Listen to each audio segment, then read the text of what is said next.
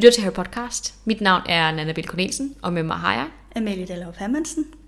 og dig selvfølgelig, kære lytter. Ja, Du sad lige og tænkte, jeg tænkte lige, hvem var der ved? hvad er det? Det er et nyt twist.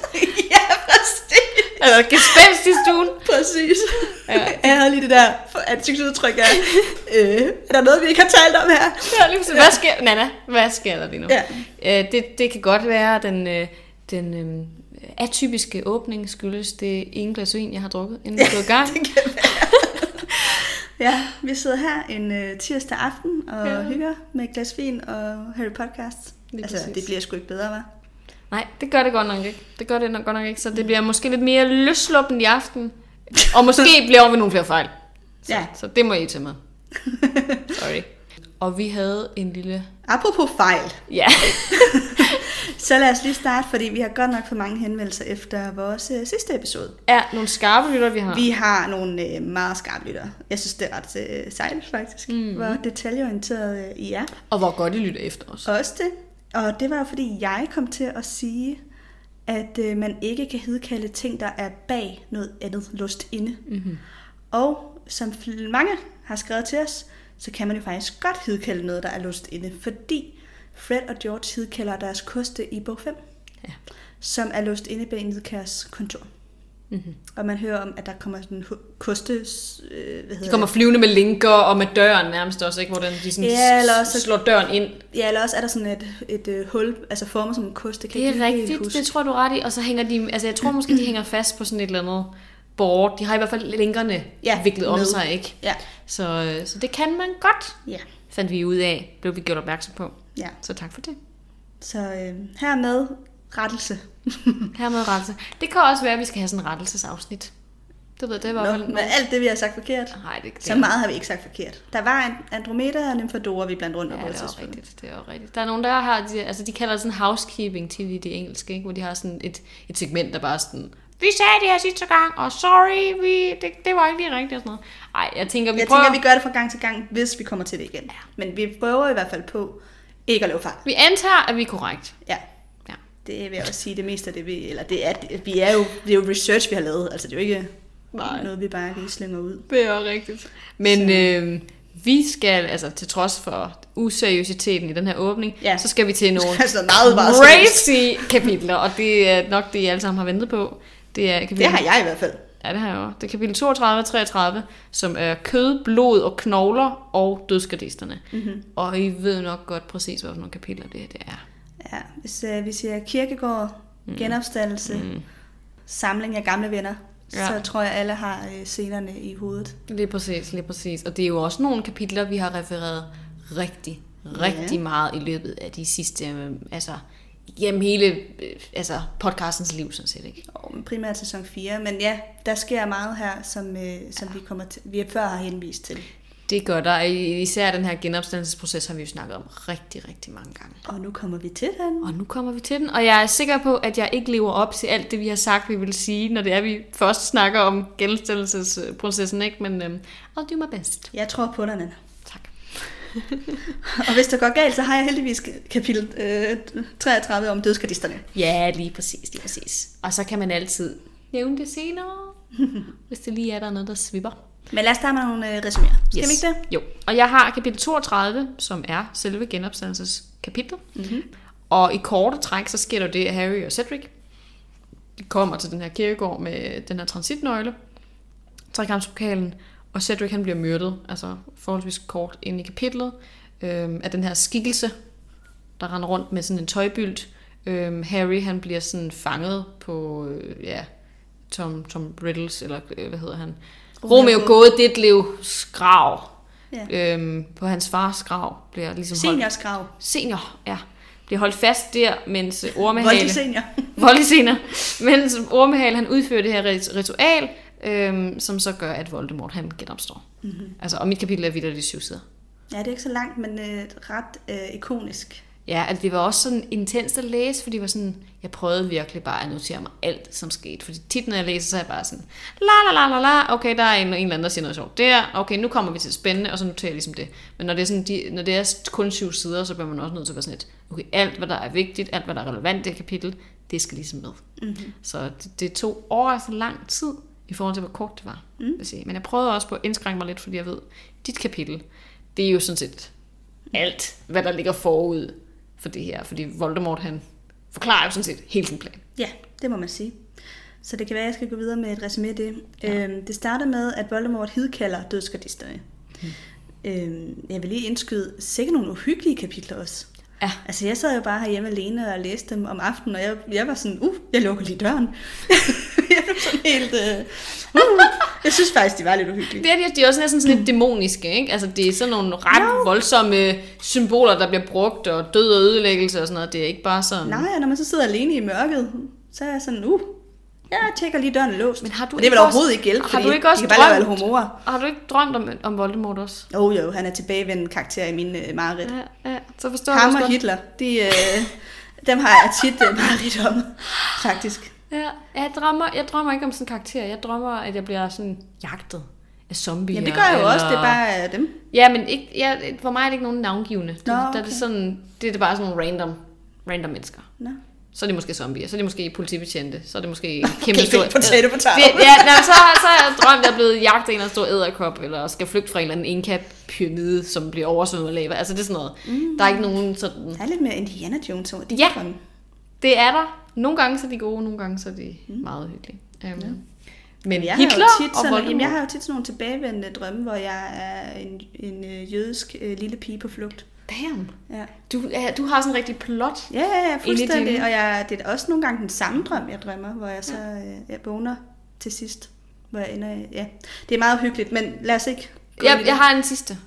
Okay. Jeg, jeg drømmer tit, at jeg er på vej til gymnasiet, i, øh, altså kører i bil til gymnasiet, og jeg har glemt, hvordan man kører bil. Så jeg kommer for Uh. sent. Det er ikke rart. Det drømmer jeg rigtig ofte. Ja. Det er irriterende. Nå, det er sådan nærmest 10 år siden. Det, Det er generelt irriterende, at drømmen kommer for sent, så vågner man sådan, det er så nederen. Det er så nederen. Men det var den sidste Det den sidste Så hvis der er nogen af jer, der kan tyde drømme derude, så tyder I bare løs. så er vi crazy people her. Eller hvad? Dig, Sam. Din Voldemort Ja, det godt drøm. Ja. Nå, Nej. men det er måske også derfor, jeg synes, at de her scener er så uhyggelige, som de er. Der er sådan ligesom noget genkaldelse der fra Ja, ja, min, nogle af ja, mine mareridt. I hvert fald, så, øh, så øh, hedkalder øh, Voldemort dødsgardisterne, mm. og mange dukker op, men nogle er væk. Mm. Nogle er døde, nogle er på flugt, nogle ved vi ikke helt er. Mm. Og Voldemort taler så med de fleste en af gangen, og øh, bebrejder dem stort set alle sammen, at de ikke har gjort mere for at finde ham. Øh, Ormehale bliver belønnet med den der sølvhånd. Ja. Eller den er i hvert fald sølv i filmen. Nu er jeg lidt i Den er også Den er sølv i bogen. Ja. Ja. Øhm, og Voldemort fortæller så, som du sagde, hele hans øh, historie. Han fortæller ja. Både, hvad der er sket de sidste 13 år, hvor han har været væk, men han fortæller også lidt omkring hans øh, idé med, at øh, Harry nu er her, og ja. hvordan øh, han har en tjener på Hogwarts. Som Hvordan det overhovedet har kunne lade sig gøre nærmest ikke, at, at Harry han er der. Præcis. Ja. Boss, han nævner så ikke, hvem det er, Nej. der har fået øh, Harry til at røre ved transitnøglen. Han tipper hans tjener på Hogwarts. Lige præcis. Præcis. Altså han laver sådan, hvis man kan forestille sig, en klassisk James Bond skuggetal. Ja, Sådan set. fortæller det hele uden at fortælle det vigtigste. På en eller anden måde. Ja, sådan set i James Bond, så fortæller de så bare altså alt. Der gemmer de ikke nogen detaljer, vel? Nå, det der med, at sådan skurken står der, nu skal Præcis. du høre alt, hvad jeg har gennemtænkt. Præcis. Præcis. Og så står de og ærer en hvid kat, og her er der så bare en stor slange, ikke? Ja. Så sådan, samme princip, men man kan så sige, øh, hans loyale tjener spiller jo sådan en vigtig rolle Ja, lige om lidt. Så Ja, det er jo også derfor, det er et... det var jo faktisk lidt det samme, Sirius gjorde i bog 3, bortset fra, Sirius ikke ond. Men det her med at stå og fortælle rigtigt. hele fortællingen, der er kommer rigtigt. forud for, nu står vi så her i dag. Præcis. Og også i den her action-scene. Præcis. Det er ikke noget, man gemmer til efterfølgende, når det ligesom er færdigt. Men det er Nej. noget, man fortæller, mens det, det Ja. ligesom sker. Ikke? Voldemort gør det faktisk også i bog 2, nede i Hemmelighedens Kammer. Det er rigtigt. Og i bog 1 gør Quirrell det. Hun gør det meget, J.K. Så det er en, en fortælleteknik, hun bruger, ja. Ja. J.K. Rowling. Det Hun her. får skurken til at forklare alt Ja, i den her scene, i stedet for bare at slå Harry ihjel. ja. Som havde været lige så let. Og i bog meget 3, lettere. så har man troet var skurken. Ja. Som ikke var skurken. Nå, lige meget. Kapitlet slutter med, at... Øh, der, øh, ikke Dumbledore. Voldemort vil øh, duellere mod Harry. Dumbledore genopstår. Så er lige pludselig en helt ny drejning. Ja. Så det er i korte træk kapitlet. Og det er nogle handling. spændende kapitler, og vi siger det, som vi altid siger, har sagt det så mange gange, det bliver sikkert skide langt i dag.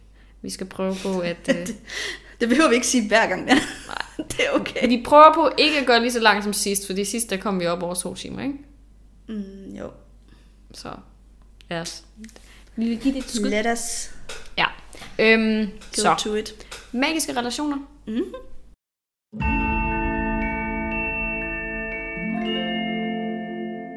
Jeg vil gerne starte ud med at snakke en lille smule om Harry og Cedric. Fordi det her det er jo det sidste, vi nogensinde ser til Cedric. Med mindre selvfølgelig, man har læst Cursed Child, og tager den for gode varer, så ser vi jo lidt mere til ham. Men han dør jo simpelthen nu, ikke? De ankommer jo til den her kirkegård, er sådan lidt forvirret, spørger ligesom hinanden, what is this? Det virker sådan lidt smule uhyggeligt. Øhm, og ser så den her kutteklædte skikkelse, der bevæger sig ind og ud mellem kir- altså de her gravsten med en tøjbylt.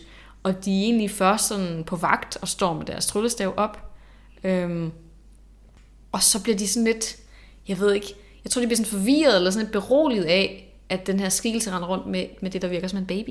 Mm. Så de tænker, nå, okay. Ja, det bliver beskrevet lidt som om den der tøj bliver holdt som en lille baby. Ja, det tror jeg også, den gør. Så jeg tror, de bliver sådan, hvad er det her? Det virker måske ikke så farligt. Mm. Altså, de bliver i hvert fald trukket lidt ud af den der sådan på vagt følelse, de har. Og sådan tager begge to tryllestævner ned. Og så siger Lord Voldemort, dræb den anden. Og så bliver Cedric så slået ihjel. Altså, når jo ikke engang rigtig at registrere, at han dør eller noget som helst. Harry, han, øh, jeg tror, han begynder måske at ligge og råbe. Eller altså, han, han, han får ondt i arret. Ja, ret hurtigt. det er ikke? rigtigt. Så jeg tror allerede, han når at få ondt i arret, inden det er Cedric, han bliver slået ihjel. Så han ser ja. ikke, han dør. Han ligger lidt og ruller rundt på jorden, Ja. Og så kan man bare høre det der Avada Kedavra og det grønne præcis. lys, og så kigger han op, og så er Cedric død. Lige præcis, lige præcis. Altså her i, i kapitlet, der beskrives som, at han tør ikke åbne øjnene, fordi han har ikke lyst til at se det, der er Nej. sket. Ikke? Så han, han ser faktisk ikke Cedric dø. Han ser, at han er død, ja. men ikke selve besværgelsen. Øhm, men, men Cedric når ikke at have nogen sådan særlige sidste ord. Det er bare sådan noget, Nå, det her det virker da sådan lidt creepy-agtigt, ikke? Mm. Det er sådan, det er på den måde. Der er ikke noget sådan... Som du siger, så når det han nærmest ikke at at han bliver dræbt, før han er død. Nej, jeg tror også, Harry han beskriver det, som om han har sådan et overrasket udtryk i ansigtet. Han er sådan, what is happening-agtig. Ja. De forstår ikke, at det er en farlig situation, faktisk. Øhm, så ja. Og det, Cedric han bliver jo myrdet af ormehale, men han kommer jo frem ved den der uh, priori incantatum ting, som sker Næste kapitel igen. lige præcis, hvor at deres uh, tryllestav, de connecter. Så det, det er jo selvfølgelig Voldemorts tryllestav. Og jeg mindes, at Dumbledore siger, at Cedric er blevet myrdet af Lord Voldemort. Og det er han jo teknisk set ikke, men han er blevet myrdet på Lord Voldemorts ordre, ikke? Jo. Så det er sådan potato, potato -agtigt. Ja, ja, og det er jo den klassiske. Er det den, der afgiver ordren, eller den, der udfører den, der er morderen? Lige præcis, lige præcis. Okay, klassiske, som om det er sådan et dilemma, man står i hele tiden. Men øh, det er sådan en, øh, det er en øh, diskussion, en etisk diskussion. Ja, Ja. det er det nemlig lige præcis. Så synes jeg jo også, det var lidt spændende det her med, at det foregår på en kirkegård. Mm-hmm. Altså fordi vi er jo virkelig ikke særlig meget sådan ude i, hvad kan man kalde det, ude i verden, uden for Hogwarts i de her bøger. Det foregår tit inde på skolen, og når det gør, så foregår det inde i byer. Så det er sådan set, hvad besøger vi? Besøger vi to Besøger eller tre kirkegårde måske? Hvad siger du? Nå ja, altså andre kirkegård. Ja. Ja, vi ser i hvert fald Godric-dalen, ikke? Jo, der er juleaften, hvor, de, hvor ham Ja. og Hermione, de øhm, ser hans forældres grav, ikke? Jo, Øhm, og så er der så den her, så begraver han selvfølgelig Dobby, men det er jo ikke en kirkegård.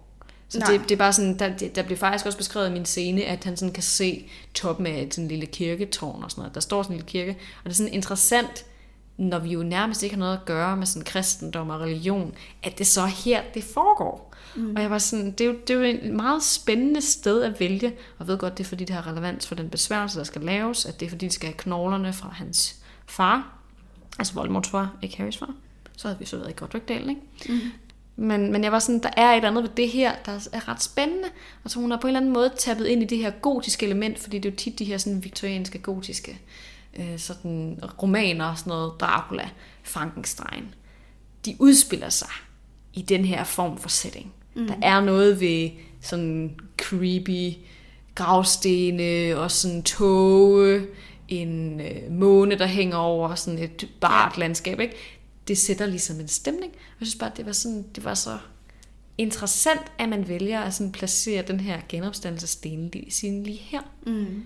Hvorfor, hvorfor tænker du, hun har Ja, gjort det? det, er altid, det er lidt creepy at være på kirkegård om natten, ikke? Mm, Og der er mange gyserfilm, der har noget med kirkegård at gøre, så man er automatisk lidt på vagt, når det er på en kirkegård. lige præcis. Og så tror jeg også, du har ret i det der gotiske element. Det Ja. får hun beskrevet ret fint, og man forestiller sig også, at de der gravsten er sådan nogle lidt store gravsten med nogle krummelurer på. Ja, Jamen, det er den der klassiske gotik, ikke? Der er Ja. ligesom gjort noget ud af, det er ikke den der klassiske danske kirkegård, hvor alle stenene de ligner hinanden i sådan nogle små... Hvad, hvad sådan, Nej, jeg forestiller mig lidt, altså faktisk den kirkegård, hun blev inspireret af mange navne. Ja. Øh, den ligger i Edinburgh. Ja. Øhm, Den her er faktisk inspireret, altså den der er brugt i filmen er inspireret af den, der hedder Highgate Cemetery i, uh, Cemetery i London. Nå, okay. Så den, den, den minder sikkert om den i, i Edinburgh. Øhm, og jeg ved heller ikke, om det er den, hun har tænkt på i bogen, men det er den, de har brugt som inspiration for filmen. Okay. Og der er det det her med kirke, altså med gravsten. Altså den fra London. Den fra London. Ja. Hvor sådan en gravsten, der er viklet ind i, du ved, be- bevoksning. De ja. Sådan bliver taget tilbage i naturen. Og som du siger, med masser af krummelurer. Altså, der er mange, der beskriver den som en utrolig smuk kirkegård fordi der er gjort noget mm. ud af sådan, ja, hvad kan man kalde det? Det tror jeg også, hvis man ser det i dagslys. Ja, arkitekturen i en kirkegård. Altså, jeg ved ikke, jeg er en af dem, som faktisk godt kan lide at gå på kirkegård. Ikke om natten. Så creepy er det dog ikke. Øhm, men i dagslys. Jeg kan mm. godt lide at besøge kirkegården, når jeg er i udlandet, og se, hvad forskellen er, sådan rent kulturelt, hvordan folk det ligesom, ja, Udsmykker det. ja sender deres døde videre, ikke? Hvordan, hvad putter man på sådan en gravsten? Og i nogle lande, der putter man jo billeder på. Ja. Øhm, i, I nogle lande, så, så er, bruger man trækors og sådan noget. Det er sådan meget interessant. Også bare forskellige dele af Danmark. Der er det også sjovt, hvordan de sådan udsmykker dem. Så det, det gør jeg tit, når jeg er i udlandet. Mm. Øhm, Altså hvis man har interesse i det, så kan vi jo anbefale Nordre Kirkegård i Aarhus til os. ja, som vi jo, der har vi gået mange ture. Ja. Der får man jo faktisk det her, for der er jo både en, øh, thai, jeg ved ikke, det er thai, men i hvert fald Ja. noget asiatisk, Ja. en asiatisk del af kirkegården, og Mhm. Jeg tror også, der er nogle jødiske grave, Det er der og også, måske det er der også. muslimske og sådan. Der er i hvert fald mange forskellige udtryk på øh, Mhm. den kirkegård. og der er også rigtig mange historiske altså, gravsteder deroppe. Jeg har faktisk været deroppe på kirkegårdsvandring. Ja, Og og der når, jeg er med en guide, ikke? Jo, Jo. lige præcis, lige præcis. Og det, der er, man skal selvfølgelig vide, hvilke sten det er, man kigger på, så det kan godt anbefales at tage en guide med. Men det kan virkelig gøre noget. Jeg var også øhm, på assistenskirkegård med min mor her i starten af året, øh, under, hvad det var fucking koldt. Mm-hmm. Øh, virkelig, virkelig iskoldt der i februar, hvor vi gik rundt og så kiggede. Øhm, og der fandt vi sådan en helt nonneorden. Der er som at begrave det samme sted. Det gik op for os, det var sådan, hvorfor, hvor, hvorfor er det alle sammen kvindenavn, der står her? Hvorfor har de alle sammen den samme altså, sten? Og så står der sådan S, og så er deres navn. Sådan, Gud, det skulle da søster. Ja. Ikke? Og så var der også nogle russiske gravsten ved siden af, hvor de så havde de her trækors, eller sådan metalkors. Det var meget specielt, for man, igen, danske gravsten, de er jo meget sådan, meget stille og roligt. Mm. Der sker ikke så meget der. Vi putter ikke, vi udsmykker dem ikke med billeder. Ligesom for eksempel du siger med de, med de thailandske eller de vietnamesiske gravsten mm. op i... Øhm, Det er måske, fordi vi kommer i Danmark er protestantisk. ja, det kan sagtens være. Det kan sagtens være. Jeg ved ikke, øh, hvordan de gør det i Sydeuropa. Men det kan jeg i hvert fald anbefale, om, uanset hvor man er henne i landet, hvis man kan finde en lidt større kirkegård, så er det, altså det er altid interessant, synes jeg, mm. at gå og sådan holde øje med det. Nu forsvandt jeg ned ad en Det var anden... øh, totalt, det var apropos kirkegård. Apropos kirkegård, jeg synes faktisk, at de, øh, jeg synes, at man kan finde meget spændende der, men det er nemlig, hun har jo valgt den her scene af en grund, ikke? og det er selvfølgelig også noget med, du ved, at gå imod det, den naturlige gang i livet, hvor man blev født og dør, og så er ja. Død, hvor Voldemort jo altså genopstår på en kirkegård. Og der er noget omkring det her med, at man forstyrrer gravfreden. Altså fordi Det når først man har begravet nogen, så skal de jo ikke op igen. Nej, Altså, det er rigtigt. det, der er der noget... Øh, Der er noget etisk forkert i at, at, Ja. at, at tage noget fra en grav. Og øh, altså, det er jo det, der gør, der sker her. Det, det er det, der sker. Og apropos det, så er der jo faktisk også, der sad og kiggede en del på, der er jo også ret mange af sådan øhm, besværgelser, som, som folk bruger i dag, dem der er sådan hekse eller hvad man skal kalde det, de, øh, de vil jo gerne tit have sådan noget kirkegårdsjord. Nå, Altså det bruger man i besværgelser. nå, Ja. det vidste jeg ikke. Nej, det er sådan en typisk element. Det er jo ikke noget, vi hører om i Harry Potter, fordi i den del af Harry Potter får vi jo normalt jo, det er en gode magi. Så er der så Voldemort, hvor vi får en lille smule hukrukser og klamme baby og sådan noget, ikke? Hormon, hormonokuluser, eller hvad det var, Karl eller lige hun kaldte dem. Øhm, men det er ligesom That's a nasty kind of magic. Det får vi ikke så meget af. Vi får sådan den gode Hogwarts-magi, ikke? Men det er sikkert også et element i den her, i den her verden. Vi lærer bare ikke noget om det. Men i virkelighedens verden, jeg, jeg fandt sådan en hjemmeside, hvor der var nogen, der var sådan, man kan godt altså, gå på en kirkegård og få noget jord, og så kunne man jo plante nogle blomster og også få det til at se sådan, ikke så, hvad kan man kalde det, ikke så mistænkeligt ud. Mm. Hvis man sætter en blomst ved en grav, så kan man lige putte en lille smule ned i et glas, eller hvad ved jeg, og bruge det til en besværgelse for, øh, det ved jeg ikke, at beskytte sig selv, eller få held i et eller andet. Mm. Øhm, jeg læste også, at man, hvis man skal hvis man skal beskytte, altså hvis man skal have sådan beskyttelse for sig selv, eller hjælpe sig selv, så er det godt at få noget fra en forfædres grav. Og hvis man vil skade sine fjender, så skal man have noget fra en fremmeds grav, og så bruge det i sin besværgelse. Altså det er jo noget, man også har brugt meget i sådan noget hoodoo og voodoo-kultur. Okay. Det er jo også meget bundet op på det her med forfædrene og få sådan deres ånder til at altså, være efter ens fjender. Ikke? Jo. Så der, der er rigtig meget der, og jeg anbefaler på ingen måde, at man går ud og tager jord fra nogens gravsted. Men, nej, nej, det er bare en reference til, at det ja. er der nogen, der gør. Og det er der nogen, der gør, og der er nogen, der gør det i virkelighedens verden, og tror på, at det også altså, har en betydning. Ikke? Så det er også derfor, jeg synes, der er, der er et eller andet ved kirkegård, der er et eller andet ved den jord. Der er noget rituelt i det, og folk de putter sådan noget symbolsk ja. i det her. Ikke? Ja. Så det synes jeg bare var mega spændende. Mm. Ja. Ja. Skal jeg gå videre så med, med lidt fra næste kapitel? Øhm, jeg tror godt, jeg lige vil starte med for at sætte scenen mm. og læse en lille smule op fra der, hvor øh, dødskadisterne ankommer uh. til, øh, til kirkegården. Og det er på side 603 i min bog. Mm. Voldemort har lige stået og snakket, og så, øh, så sker der så det her.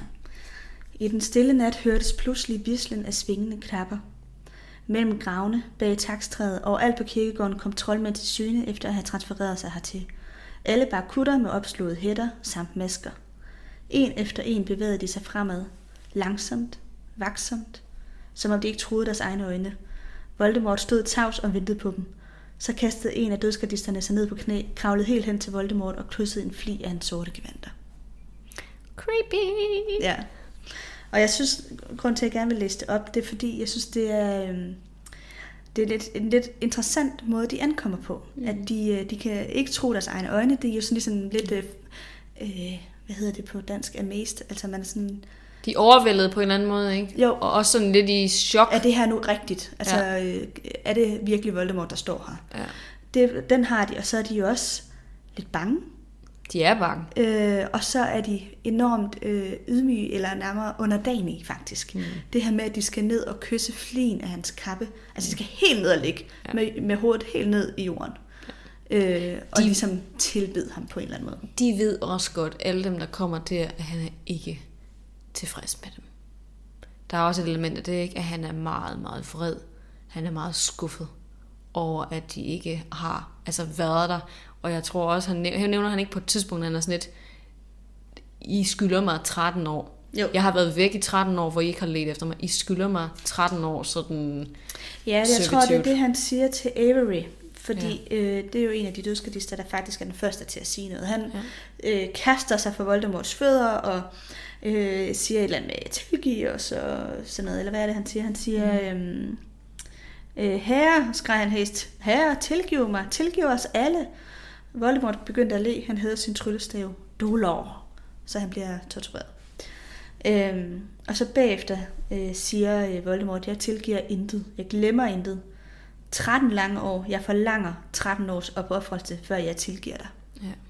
Så, men det er selvfølgelig rettet mod alle, men nu siger han det så til Avery. Præcis, præcis. Fordi de har alle sammen været væk. Der er ikke nogen af dem, der har let efter ham. Og det, er, han nævner også bagefter der, at Peter, han har jo zonet noget af det, fordi ja. han jo fandt ham, og fordi han har hjulpet ham med at få sin krop tilbage. Ikke? Men han skylder ham stadigvæk. Altså fordi han har ikke gjort det ud af loyalitet, vel? Ikke? Nej, han har jo også gjort det ud af frygt, ormehale, at han er kommet tilbage. Og det ja, har Voldemort ikke særlig meget respekt for. Nej, det har han ikke. Den eneste, han faktisk respekterer, det er jo øh, Bartimus Ferm Junior. Ja, og hans tilhængere, der sidder i Azkaban. Ja, lige præcis. Der er jo nogle af dem, der ikke kan komme, og det er jo fordi, der er flere ja. derinde. Bellatrix, der er blandt ikke. Jo. Bellatrix og hendes mand, de er jo begge to i uh, Azkaban, og, mm. og kan derfor ikke komme. Mm-hmm. Og det er ligesom en ugodtaget undskyldning, kan man sige. Ja, det er sådan, fair nok. Ja. De bliver jo så frigjort lige om lidt. Præcis. Det var ikke længe. Men dem, der er væk, fordi de er flygtet, eller har skiftet mm. side til, til, hvad skal man sige, den anden side, mm. Dumbledores side, der siger Voldemort, dem må vi jo få fat i og få dræbt. Ja, det er præcis. De, og det, det sker jo også. Vi ser det jo med Kakarov. Ja, Han bliver præcis. slået ihjel. Der går ikke mere end et år, så er han væk. Nej. Snape, han smyger sig udenom. Ja, Han, øh, han dukker han op senere på aftenen. det ved vi jo ikke. Jeg mindes, at Dumbledore, han... Der er i hvert fald... Ja, kan det passe, at vi får noget i et tilbageblik? Ja, det tror jeg. At Dumbledore beder Snape om at tage ned, og, eller tage hen til Voldemort lidt senere på aftenen. Det Ja, kan det- godt det- være, der er Han tager i hvert fald hen til ham på et tidspunkt efter, for ligesom at bevise, jeg kunne ikke tage til dig på det her tidspunkt, fordi der skulle jeg stadigvæk gøre, som om jeg var en del af, du ved, Dumbledores sling, Ja. men nu kan jeg komme til dig, ikke? Jo, for han, øh, han får jo i hvert fald overbevist Voldemort om, at han stadig er en del af, Lige præcis. af dem, han kan stole Lige på. præcis. Og han er ikke kommet, fordi han spiller det her dobbeltspil. Så, øhm, så, så han, han er jo den, der så også er lovligt undskyldt. Ja, det har du ret i. Sammen med hans anden tjener på Hogwarts. Mm, præcis. Ja. Jeg synes også, det er lidt interessant, at øhm, han er ret øh, sur på Lucius. Lucius Malfoy, mm. som jo faktisk dukker op. Men han, jeg ved ikke, om han undskylder, men han siger også ligesom, nu er der, nu må du bevise, at du er blevet bedre. Altså, han, han får sagt sådan et eller andet med, at jeg forventer en anden opførsel i fremtiden. Ja. Med andre ord, du er stadig en del af fremtiden i hvert fald, ikke? Mm. Altså, du er ikke afskrevet. Nej. Men der ligger selvfølgelig også en implicit trussel i, hvis ikke du er anderledes fremover, så er præcis. goodbye. Ja. Han har ikke særlig meget respekt for, at Lucius har prøvet sådan at køre lidt sit eget løb, vel? At han har Nej. haft de her sådan både i hemmelighedens kammer og så her, øh, hvad hedder det, går, altså trekampspokalen, at han ligesom har forsøgt at lave sin egen ting. Ja. Nej, Altså- altså... det respekterer Voldemort ikke. Nej, han er jo også sur på over det der med, øh, altså med, at han har givet dagbogen væk. Det Præcis. ved han selvfølgelig ikke endnu, tror jeg. Nej, det ved han ikke endnu, men det ved vi senere, når han finder ud af, at Lucius har øh, Mistet den. mistet dagbogen, og den er ødelagt. Der bliver Voldemort rasende. Ja. Sammenholdt med, at, øh, at Lucius så heller ikke har gjort en større indsats for at lede efter ham, så, mm. så er han i bad standing. Ja, men, øh, men det, det, jeg synes, det, jeg anbefaler, at man lige genlæser det her kapitel, for jeg synes, det er ret interessant at se det her forhold, Voldemort har til sine tilhængere generelt. Mm. Øhm, hvordan han taler til dem, hvad er det for en type leder, diktator, hvad skal vi kalde det? Han styrer gennem frygt. Ja. Men det er også interessant, hvorfor er det, de følger ham? Mm-hmm. Er det kun frygt, eller er der et eller andet ved ham, de fascinerer sig af? Det virker det jo også som om. Spørgsmålet er, altså, at de startede ud med at være fascineret og tro på de her ting, og de så på et tidspunkt blevet fanget i det, så de har kunne komme ud. Ikke? Altså, hvis man først Jo. er så længe, langt inde, så kan det godt være, at man ligesom er sådan et, nu, uanset hvad jeg gør, så er det en dårlig situation. Ja, det er der sikkert nogen, men der er nok også nogen, som har den der blinde tillid til ham, om at, Ja. ja. at øh, han er, øh, det er ham, vi skal mm. gå med, fordi han er fremtiden. Han har set et eller andet. Men så kan man så undre sig over, for de har let efter ham. Ja, altså det, De har jo valgt at det ved acceptere... jo, at øh, Bellatrix og Company, altså de der Ja. fire, som bliver øh, dømt til Azkaban Det er nemlig det. Bartifam Junior og Rodolphus, og mm. nu kan jeg Mhm. ikke huske, hvem den sidste var. Nej. Multiver? Nej, det var en anden. Måske. Jeg kan virkelig ikke Nej, det huske, var en anden. han er. Nå, jeg kan ikke huske, hvad den sidste hed, men de fire der, som bliver dømt til Azkaban, hvor Ja. det vi snakkede om med retssagen og det der, de var jo på jagt efter ham. Og Nemlig. det var jo blandt andet også derfor, de torturerede øh, Neville og øh, Nevilles forældre. Lige præcis. Ja, ikke Neville, men hans forældre. Det er nemlig rigtigt, og det, øh, altså det er nok forskellen på at være sådan fanatiske følgere, og så være dem, der er sådan er lidt opportunister. Og dem, der møder i aften, det er jo dem, der var opportunister og tilpassede sig ligesom den ændrede kultur, og fik folk overbevist om, vi er faktisk ikke dødsgardister. Nej. Det er dem, der overlevede på grund af det, dem, der ikke er blevet slået ihjel af afrørende. Mm.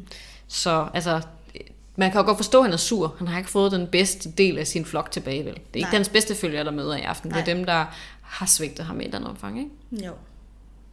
Jo, og i hvert fald, jeg tror heller ikke, Voldemort har respekt for det der med, at de har forklaret sig udenom. Nej. Det der med, at, deres, øh, at der er jo mange flere af dem her, øh, der kommer den her aften, det er jo nogen, der har sagt, at de har været underlagt Imperius-forvaldelsen for eksempel, ikke? for at gå fri i, øh, ved Ministeriet for Magi.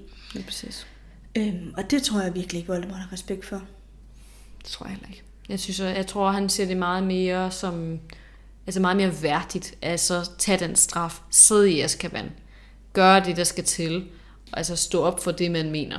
Mm. Selvom han jo også er sådan en... Han, han spiller jo også lidt dobbeltspil, ikke? Fordi i femmeren, der afslører han jo heller ikke sig selv før til slutningen.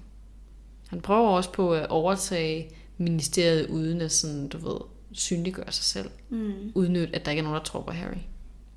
Så øhm, ja, han kan, kan alligevel også godt lide ikke bare gøre det sådan direkte. Ikke? Mm. Så det er sådan en dobbelt. Ja. Noget, der også er interessant, synes jeg, i betragtning af, at han har det sådan, som han har det med dem, der er dukket op, at han så fortæller dem hele sin historie. Ja. Fordi det er jo faktisk en lidt privat historie på en eller anden måde. Eller det er i hvert fald personligt. Det er også lidt sårbart, ikke? Han jo. er sådan, jeg var det laveste af det laveste. Præcis. Han fortæller, hvordan at han kommer til Godfreddalen, skal gå ind for at dræbe Harry, bliver mødt af Lily, der beskytter Harry, mm-hmm. og derfor slår øh, forbandelsen tilbage øh, ja. og rammer ham selv som gør, at han er i sådan en kropløs tilstand. Mm-hmm. Enormt sårbar, som du siger. Altså, han, han fortæller om, hvor sårbar han har været. Ja. Øhm, og han, øhm, han er som... Han, jeg tror ikke, han forklarer det som en sjæl, men det er nok sådan, jeg tænker det lidt. Mm-hmm. Øh, et, en, en, noget gasset. På en eller anden måde, så er han jo lidt sådan den, den bevidste del af de her sjælefragmenter, ikke? Ja. Altså, så selvom han ikke ser sig selv som en sjæl, så er det jo på en eller anden måde det, han er. Altså, det, men, han, det er i hvert fald ham som person, som er en lidt, en lidt speciel luftart. Ja, han er, han, er, han er kropløs, og hvis man så ikke vil kalde det en sjæl, så må man jo finde på noget andet ja. kalde det. Ikke? Modsætning til ens han krop. Siger selv, øh, jeg blev flået ud af min krop. Jeg var mindre end en ånd, mindre end det laveste spøgelse, men jeg var trods alt i live. Mm-hmm. Så det, det er det, der er forklaringen, ikke? Jo, jo, jo. Så han beskriver det ikke selv som, som, som sjæl, vel? Nej. Men, øhm, men apropos det, det er jo også interessant nu, når vi lige sidder og snakker om kirkegård og religion og sådan noget, så det er også spændende, at hun har viklet altså sådan sjælebegrebet ind i de her bøger, og det er jo faktisk, det spiller en ret stor rolle.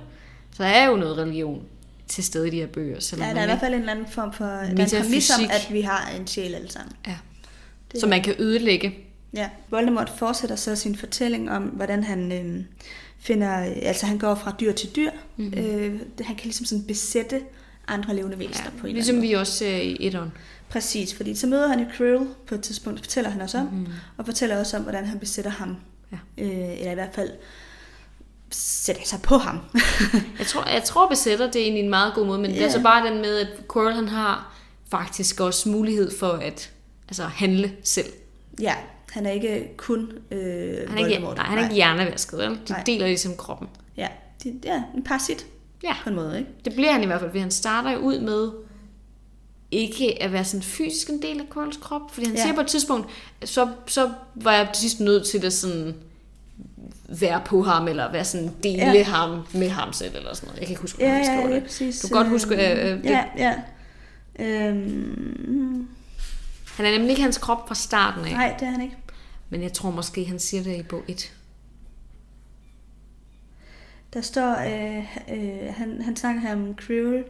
Øh, han var let at knække og styre efter mit forgodtbefindende. Han bragte mig tilbage til dette land, og efter et stykke tid besatte jeg hans krop for nøje mm. at overvåge hans udførelse af mine ordre.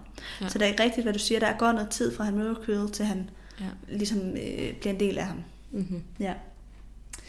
Nå, og det fortæller han om, og hvordan at han prøver at få de vise sten, og mm. det lykkes ikke, fordi at uh, Harry Potter kommer i vejen. Ja, som han altid gør. Som han jo gør. Og så, sker, så er der jo ligesom et spring i Voldemorts historie, for så, han ved jo ikke, hvad der sker i bog 2. Nej. Øhm, så det næste, han oplever, det er Ormehale, der finder ham. Det er jo så lige efter bog 3. Mm-hmm. I sommeren før bog 4. Ja. Øh, hvor Ormehale tager ned og finder ham nede i den her albanske skov. Ja. Øhm, og, og Voldemort, nej, slutter Ormehale, benytter sig af, at han kan snakke med rotter.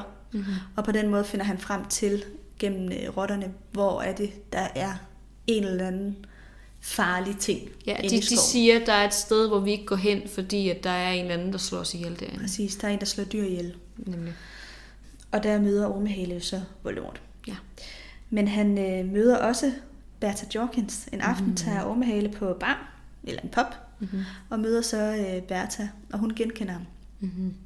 Og de, øh, de kommer så i snak, og Ormehale tager så øh, Bertha med ud til Voldemort. Ja. Ude i skoven. Det er også ret vildt, hun lokkes med til det. Det er super interessant i forhold til, at han jo burde være død. At hun så tænker, ja, lad mig gå med den her fremmede ud i en skov. I Albanien. Ja, i Albanien, ikke? Apropos Albanien, der er jo lige noget, jeg tænker, der er vigtigt at nævne, fordi vi har flere gange haft det her spørgsmål op om, øhm, om Albanien, det er en anden måde at sige et eller andet specifikt område af Irland eller Skotland eller sådan noget. Jeg synes, vi har haft den op et par gange, at der er nogen, der siger, at der er et område i Storbritannien eller mm. Irland, der hedder Albanien. Nu kan jeg ikke lige huske, hvad det specifikt sted er. Men Voldemort, han siger jo ret tydeligt, et land langt borte. Ja. Så vi må antage, det er det, Det er rigtige Albanien. Albanien. Han siger også at tage mig tilbage til dette land, altså Ja. øh, Storbritannien. Lige præcis, lige præcis. Så det, er sådan, det havde ligesom ikke været så lang en rejse, hvis det var Irland eller Storbritannien, ikke? Nej. Så det Ej, jeg er tror det, godt, vi med ret stor sandsynlighed kan sige, at han er i Albanien, landet ja. Albanien. Ja, det tænker også. Så ja. Ja. den er ligesom afklaret. Ja, det er rigtigt. Ja, men vi ved jo ikke, hvor han var inden Albanien. Nej, han er på en eller anden måde kommet hele vejen fra Storbritannien til Albanien. Han har sådan fra rejst. Curl tilbage, altså fra Hogwarts tilbage til, Ja. ja. ikke tilbage, men til, til Albanien. Og så fra Albanien til Storbritannien. Det er også meget specielt, at lige har valgt Albanien. Altså det er sådan... Ja, Er det fordi, de, han har fundet et øde sted? Er det fordi, han har fundet et sted, hvor der er mange slanger? Altså, hvad skulle det lige være der? Han har jo ikke nogen personlig relation til Albanien, vel? nej. Min tanke er, at øh, J.K. Rowling nok øh, har fundet en eller anden spændende historie fra Albanien, og så har hun valgt det. Det kan sgu godt være. Det er jo tit sådan, mange af hendes karakterer er blevet dannet ud fra et eller andet. Det er rigtigt. Det er rigtigt. Hun har lavet spændt sig inspirere, ikke? Mm-hmm. Nå. De øh, kidnapper Bertha Jorkins, og så udfører der hende, øh, de hende øh, med tortur, tror jeg vist godt, vi kan sige. Ja, det gør de. Og øh, hun får så fortalt, øh, hvad hedder det, Voldemort og Ormehale om Barty Ferm Jr., ja. som kunne være en, øh, en, hvad skal man sige, en trofast øh, tjener for Voldemort Mm-hmm. øh, i forhold til at få ramt på, øh, på Harry. Lige præcis. Ting er jo også med, med Bertha Jorkins, at inden hun er taget på den her rejse, mm-hmm. der har hun jo, som du, altså hun har Der er opdaget, en grund til, at hun øh, anbefaler Barty Ferm Jr., ja. ja, hun har opdaget det her, øh, at han stadigvæk er i live hjemme hos, hos Barty Ferm senior. Ja, Øhm, og Barty Ferm senior har så puttet en meget kraftig forglemmelsesbesværgelse på hende. ja. Så hun ved reelt ikke, han er der, før det, at de bryder den her besværgelse. Det er jo så også derfor, at hendes sind går fuldstændig i stykker. Ja, det er nemlig det. Og det er jo det, den tortur så gør. Den bryder den der besværgelse, mm-hmm. så hun kan huske Ja. Ferm Jr. Nemlig. Ja, og, og tjeneren Barty Ferm Jr. får jo så Harry Potter til at komme til Voldemort, Nemlig. så Voldemort kan genopstå. Ja. Og igen, som sagt, Voldemort nævner ikke Barty Ferm Jr. ved navn, han siger bare hans trofaste tjener. Ja. Og der vil jeg så lige sige, nu ved jeg godt, Harry han står i en rigtig svær situation lige nu. Han forstår jo ikke noget. Og sådan Ja, rundt. sige. Han er helt rundt og kan ikke rigtig sådan tænke på, hvad det er, han står og hører vel. Men i princippet, så kunne man jo godt... Der, der kommer selvfølgelig en del nye karakterer til skolen, ikke? Men der er jo en, der har hjulpet ham i løbet af det hele. Det er jo ret oplagt, at det er øh, Dunner. Øh, ja, Fordi han får jo ikke hjælp af Victor Krum. Han får jo ikke hjælp af Karkaroff, eller Madame Maxim, eller Fleur. Nej. Selvom de er også nye karakterer. Og så skulle, så skulle det jo være en af dem, han der skulle kender. det være Cedric, men han er jo død, så det er jo nok heller ikke ham, der er den Nej, nemlig. Det er det der med, altså, øhm, altså, er der nogen, der har ændret sig? Er der sket noget nyt på skolen, ud over Trikram? Ikke? Og den eneste nye lærer, der er der, sådan, er- eller nye person, der er tæt på Harry, Ja. det er Dunner. Jeg tror, øh, hvis Harry har haft øh, ro og mag og havde siddet hjemme i sin stue foran pejsen, Ja. så havde nok godt kunne regne det der ud. Så han kunne sidde og kigge på det som sådan et sudoku-stykke, og skulle så tænke, hvem er det? Så havde han nok godt kunne komme frem til det, ja. Præcis. Men som du siger, han er rimelig optaget af andre ting i øjeblikket. Han er ret tæt på at dø, ikke? Han er øh, fastspændt, kan ikke sige noget, Mhm. øh, og har sin døde ven for øjnene. Altså. Ja. Og øh, øvrigt Voldemort, som nok har tænkt sig at dræbe sig, ham lige om lidt. Lige præcis. Han er ikke i stand til at deducere noget lige nu. Nej, Øhm, så. det, jeg tror ikke engang, han er i stand til at tænke længere end den her aften. Fordi, Nej. who knows? Ej. Det er heller ikke så vigtigt, at- hvem det er. Han skal jo bare væk, kan man Ja. sige, ikke? Så Præcis. det er først, når han kommer tilbage til Hogwarts, det bliver vigtigt. Øh, og så vil jeg så sige, lige sige noget sidste, som jeg synes er meget interessant i det her kapitel. Det er jo Ormehældes belønning, den her hånd. Ja, det er rigtigt. Den har vi også øh, vendt før, øhm, men det er jo både en belønning, men også en straf, kan man sige. Mhm. Ikke? Fordi øh, det er jo faktisk den, der ender med at dræbe ham. Det er rigtigt. Jeg mindes også det, at han giver ham, så siger han også noget Ja. sådan... Hvad, hvad er det præcis, han siger? Ja, det er nemlig, han siger, det er jo interessant, når man ved, hvordan det ender, ikke? Mm. Øhm, så siger Ormehale, jeg håber, at du herefter forbliver tro. Nej, undskyld. Så siger Voldemort, jeg håber, at du herefter forbliver tro, Ormehale, sagde Voldemort. Ja, herre, for evigt herre. Ja. Og det, der i ligger jo en uh, slet skjult trussel. Ja. Ja. Så hvis du ikke forbliver tro mod mig, så sker der noget. Den har vold, eller den har ormehale jo ikke opfanget. Nej. Han han forstår ikke, at han har givet Voldemort en, en mulighed for at slå ham ihjel. Nej. Altså altid, uanset om han er til stede eller ej. Ikke? Det opdager han jo først, da han, ja, at da han ja. Svigter ham. Det er i Præcis. bog 7, ikke?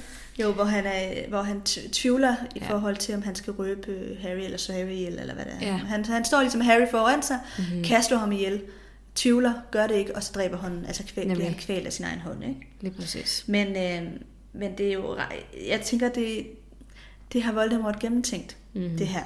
Fordi han stoler jo tydeligvis ikke på Ormehale. Det er en sikkerhedsmekanisme. Fuldstændig. Fordi øh, Ormehale er kun kommet af frygt, det ved Voldemort fuldstændig mm. godt. Ja. Så den dag, det hele måske skulle vende, eller mm. den dag, Vold, øh, hvad hedder det, Ormehale får et bedre tilbud fra øh, Dumbledore, lad os sige, han får tilbud om øh, dobbeltspionage eller et eller andet, ja. så har Voldemort sikret sig, at det kommer ikke til at ske. Det er slår den ham ihjel. Ja. Og Ormehale har jo været så tæt på Voldemort, næsten som ingen anden. Ja. Han kender At, ham øh, bedre han end... er, han er for, øh, han, han, han ved for meget. Ja. Altså, Og plus, Voldemort er fucking hævngærig. Og han vil ikke finde sig i, at der er flere, der altså går imod ham. Hvis han, hvis han var rigtig smart, så kunne han jo installere sådan en hånd på dem alle sammen. Ikke? Men det måske jo at være lige øh, makabert han nok. har Ikke? brændemærket dem i stedet. Ja, det er jo også en løsning. Det kan så bare ikke slå dem ihjel, de der brændemærker, vel? Men, øhm, Men, men Ormehale får jo ikke det brændemærke i den her omgang i hvert fald. nej. Det kan godt være for sådan convenience skyld, ja. At Voldemort så giver ham øh, tatoveringen ja. senere. Så han jeg kan retter lige mig selv, han har fået tatoveringen. Har han det? Ja. Han, øh, der står her, øh, Harry så et mærke på huden, noget der ligner en højrød tatovering af et dødningehoved med en slange krybende ud af munden. Det er Mm. selv samme motiv, der havde vist sig på himlen efter verdensmesterskaberne i Quidditch. Øh, og det bliver så øh, sort i øvrigt, da øh, Voldemort rører ved det. Det giver mening. Sorry. Det, øh, Det er så Det fint. jeg lige misset. Men det er jo mega spændende. Ja, det er det. Øhm, Så han har allerede fået det mærke. Det synes jeg faktisk er lidt interessant. det er det også. Øh, Men igen, altså Voldemort har haft god tid, så er spørgsmålet, hvor svært ja. Ja. det er at lave den der tatovering, når er den der det babykrop. er jo det. Et eller andet skulle de få aften til at gå med. Udover at sidde og drikke mælk øh, fra Nagini og øh, Ja, finde det er jo også lidt interessant. Ja, det fortæller Voldemort jo om, at han lever af Ja, det er Naginis Mælk. mælk. Øh, jeg så en, øh, jeg har jo siddet og søgt lidt på, på den her genopstillelsesting, og den her hormonkolus og sådan noget, for det, det snakkede vi jo om med Clara Lille. Og prøvede på at finde nogle billeder af den her babykrop, for sådan at se, hvordan, hvordan beskriver folk den egentlig, fordi i, i kapitlet beskrives den som at være sådan sort og skældet. Altså jeg tænker lidt ligesom, øh, hvis folk til læser Game of Thrones, den baby, som, øh, hvad hedder hun, øh, Daenerys, hun får. Jeg tror ikke, at man ser den i Det er ikke med i filmen, men Nej. i bogen, ja. i bogen der bliver beskrevet som sådan en øjleagtigt sort foster, som er sådan skældet også. Og jeg forestiller mig, at det er lidt det samme her. Han er ikke, han er ikke bleg. Han ligner ikke det, det foster, som man ser i Nej. sådan på, øh, eller film, film 8 må det jo så være, ikke? Øhm, jeg ved ikke, man ser måske ham også lidt i filmen her, Man ser lige øh, fra øh, ormehæle, sådan ligesom da han kaster ham ned. slynger ham ned i, eller Ja. sådan, jeg, jeg husker som om, han er pakket ind i det der Ja, er han øh, stof, Ja. og så bliver han sådan ligesom rullet ud af det. Ja, ja, ja, ja, ja. Så meget kort glimt. Men der er han helt hvid. Lige præcis. Og sådan, han, han er ikke en mini-version af sådan hans fulde krop. Han er sådan en lille skældet, øjleagtig ting. Mm. Øhm, så ja, der er også sådan lige... Det prøvede jeg på at finde billeder af. Og, så, og der var ikke nogen, der havde lavet sådan en kunstnerisk version af den krop, men de havde ligesom malet, hvordan han ser ud i filmen, og det ser han også virkelig mm. nasty ud. Der var også et billede, hvor han så sidder og drikker mælk fra Nagini, som var alt for realistisk. Det var lidt klammer. Kan være, vi skal lægge ud på vores Facebook? Ja, det kan godt være, hvis I har lyst til at se det. Så, så lægger vi det gerne op. Man kan lægge det i en kommentar, så folk de selv skal finde det. Øhm, men, øh, men ja, undskyld, du var stadigvæk i gang med at snakke om dødskartister. Ved du egentlig, hvor mange dødskartister, der møder op? Nej, for vi får ikke, vi får ikke tal på dem. Øh, han, han siger ikke hej til alle. Okay. Øh, alle dem, vi får navn på, ved vi jo. Men, men så går han også bare forbi nogle stykker.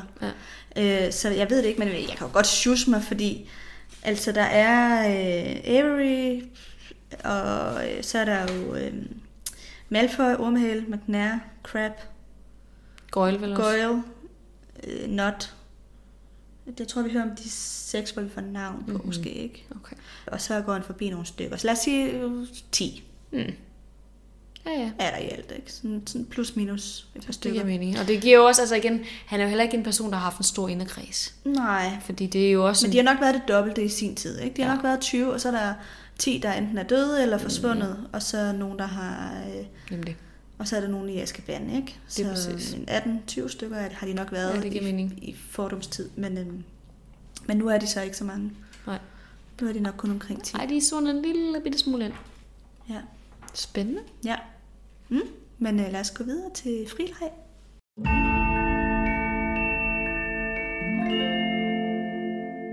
Så kommer vi til det, og jeg vil prøve at, prøve at gøre det ordentligt. Føler, der er meget pres på mig. Det skal du ikke. Jeg bebrejder dig bare meget, hvis ikke. Nej. Nej, vi skal jo selvfølgelig snakke om den her genopstandelse, ikke? Og det er sådan, det er jo ikke som sådan egentlig en genopstandelse. Fordi han har jo hele tiden egentlig været i live. Han har jo hele tiden haft den her sjæl, så han har aldrig rigtig været død. Han har været sådan et mellemsted. Så jeg tænker, det der er den egentlige genopstandelse, det er jo sådan set, da han får den her baby slash homunculus krop. Og det var det, som øh, vi snakker om med Clara Lilja, hvis de skal genopfriske, at man sådan, altså i, i den der alkymistiske version, som hun forklarede om, der skulle man på en eller anden måde indføre et menneskes sæd i en hest, og så skulle det ligge inde i den der livmor og sådan modnes og sådan noget. Jeg tror, det skulle have noget menneskeblod. Det er sådan en ret lang, ret klam proces, men til sidst, så står du med det her sådan helt unikke lille menneske. Sådan en miniatyrversion af en person, Ja, det er den måde, man får det forklaret i alkemien. nemlig. Jeg tror ikke, det er den måde, Ormehale har Det, lavet det er det heller krop. ikke. Det er det heller ikke. Altså det er jeg ret sikker på, men der er også noget med det der blod, og det er jo også det, som øh, Voldemort han får jo også det her blod, så det giver jo i et eller andet omfang mening. Problemet, eller ting er jo ligesom med den her homunculus, at det er jo en positiv ting. En homunculus er god, en homunculus er sådan særlig intelligent, det er, det er et kunstigt liv. Det er, øh, det er sådan et kunstigt skabt menneske. Øhm, og det er Voldemorts babykrop jo også. Så jeg, jeg tror, der, det er helt rigtigt, at det er det, hun er blevet inspireret af til at lave den her babykrop. Mm. Men selve genopstandelsen ta- altså, er ikke en del af den her proces. Der tager hun jo den her homunculus krop og omskaber den til en fuld menneskekrop. Ja, en voksen menneskekrop. En voksen menneskekrop med de her typiske Voldemort-karakteristika, som er sådan de her slange næsebor og øhm, Røde øjne. røde øjne. Ja, han ser virkelig sådan creepy ud. Jeg tror næsten, han ligner lidt mere sådan Dracula i hendes version, end han ligner altså sådan Ralph Fiennes eller Fiennes. Ja, altså man kan sige, til forskel fra filmen har han jo netop øh, røde øjne og mindre næse, Ja, end øh, Voldemort filmversionen har. han er mere slangeagtig. Ja, Og jeg tænker, det bliver han også beskrevet som. ja, jeg tænker at det, det filmiske ting, han, han kommer til at se for mærkelig ud, Ja. hvis vi gør ham mere sådan slangeagtig, mindre menneskelignende, altså så vil folk ikke kunne tage det seriøst, eller så vil de synes, han er for ulækker at kigge på. Ja. Øhm, så det, jeg, jeg tror simpelthen, det er det, det handler om. At det er derfor, man har fravalgt det. Øh, men han nævner også, at elixiren det er gammel magi. Så altså, han har selv fundet på besværgelsen til at lave den her homunculuskrop, babykroppen, men besværgelsen til at få lavet en ny fuldvoksen krop, det er ikke noget, han selv har fundet på. Det er, det er noget elgammelt noget. Også den her øh, vise, eller sådan ramse, som hvad han, øh, Ormehale siger, det må man også antage, er en del af den originale. Det, det læser jeg helt klart som en del af øh, besværgelsen, eller hvad man skal Ja, kalde det. Ja. Nemlig. Det er ikke, altså der er ikke noget af det her, han har fundet på. Det indikerer han i hvert fald ikke, det er. Og jeg kunne læse mig til mig, eller jeg kunne læse mig til på Potterwiki, at man tænker, det er ligesom en måde at genskabe en krop, der er gået i stykker. For eksempel hvis den er blevet ødelagt i kamp, eller af sygdom, eller du på en eller anden måde mm. har fået ødelagt din krop. Så kan, så kan den bruges til at genskabe det. Og det er jo sådan set også det, han gør. Han går jo ikke fra ingenting til en fuld menneskekrop. Han går fra en lille krop til en stor krop. Ja. Så. Genopstandelse. Maybe Ja, det not the right word. Det, det kalder jeg det jo i hvert fald ikke, men det er jo fordi, Ja. det nok er fra, fra noget, der ikke er menneskeagtigt til Ja. et menneske. Han siger jo også, han sådan rise again. Ja, ja, Altså, ja jeg er kommet tilbage. Nemlig. Sådan, der, der er ligesom den der Ja. ja. retorik. Lige præcis. Men det er jo måske også, fordi han ser heller ikke den der babykrop som, som det rigtige stadie. Han er jo hele tiden på vej hen til at få den her menneskekrop. Så, øh, så den, den allermest interessante proces, det er jo sådan set den, vi ikke hører om, Ja. som er babykroppen. ja. Øhm, men nok om det i hvert fald. Men øh, jeg har også lidt mere... Skal vi lige gentage, hvad det er, der skal i den der elixir? Jo, selvfølgelig, selvfølgelig. Øhm, Øhm, det er øh, knogle fra ens forfader. I det her tilfælde, så er det så faren. Der er nogen, der tænker, at hvis, hvis det var en kvinde, så kunne det være, at man skulle have knogle fra moren. Øhm, og i filmen, oh, så hvis Voldemort havde været en kvinde.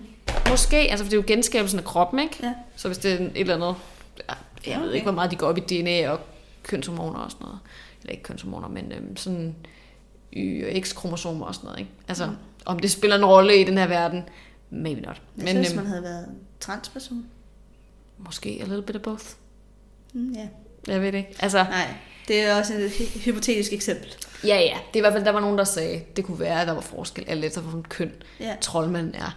Det ved jeg ikke. Jeg tror, det er måske også, fordi det er en patriarkalsk, et patriarkalsk samfund, Ja. så vægter man faderens knogle. Der er også noget omkring at tage et ribben fra. Det er jo fra, fra, fra, fra manden, Adam. ikke? Fra Jo, Adam. Jo, jo. Altså, der er et eller andet der, der er noget bibelsk Ja. over... øh, Det er jo også interessant i forhold til, det er jo hans mor, der er magisk. Men der er nogen, der tænker, at det er ligesom en større hævn, hvis det er mokkelfaderen. Fordi det er ham, der ikke vil have ham. Mm. Så der er måske også et hævnmotiv her. Det, er der, fordi han har mødt sin far, rimelig tydeligt, det er jo som motiv. også, som også heller ikke vil have ham. Ikke? Så Ja, der, der er nogle forskellige elementer i det. Men i hvert fald knogle fra faren. Øhm, I bogen er der noget støv. I filmen der er det en, en hel knogle.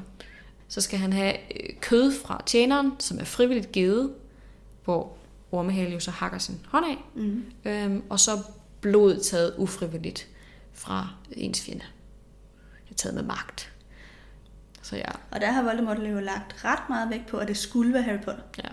Fordi øh, Ormehale havde foreslået, at vi tager da bare en hvilken som helst person, Mm. fordi alle er dine fjender, øh, og tager blod fra dem. Men det vil Voldemort ikke. Det skal være Harry Potter. Voldemort er jo også bare mega dramatisk.